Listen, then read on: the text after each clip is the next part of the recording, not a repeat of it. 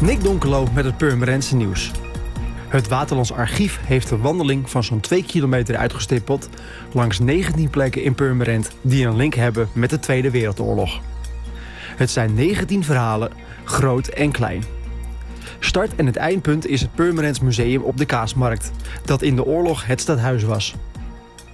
In de route wordt ingegaan op de burgemeesters die aan het roer stonden in de stad... Andere onderwerpen zijn bijvoorbeeld de onderduikgeschiedenis van de Joodse broers Meijer en Simon van der Sluis, de NSB, het verzet en de overvallen in de stad en de rol van de bijzondere gebouwen zoals de Doelen en Villa Clementine. Maar ook de bevrijding en herdenken komen aan bod. De wandelroute Tweede Wereldoorlog in Purmerend is te vinden op www.waterlandopdekaart.nl onder kopje wandel- en fietsroutes. De route kan ook met mobiel gelopen worden en is voorzien van een platte grond.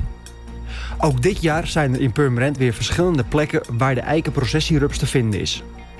De brandhaartjes die loskomen tijdens het vervellen zorgen voor gezondheidsklachten bij mens en dier.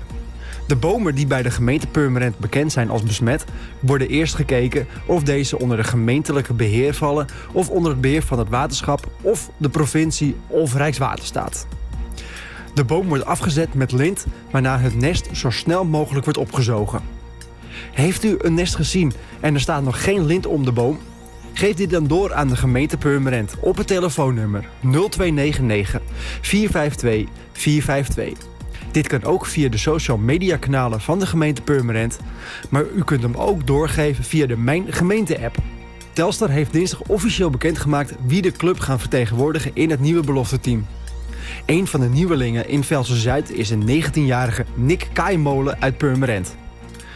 Kaimolen speelde eerder in de jeugdopleiding van FC Volendam... en de laatste twee jaar bij de Graafschap. Door de coronacrisis moest hij helaas vertrekken uit Doetinchem.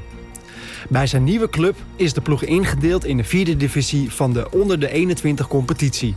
En hij hoopt met zijn ploeg snel te kunnen promoveren.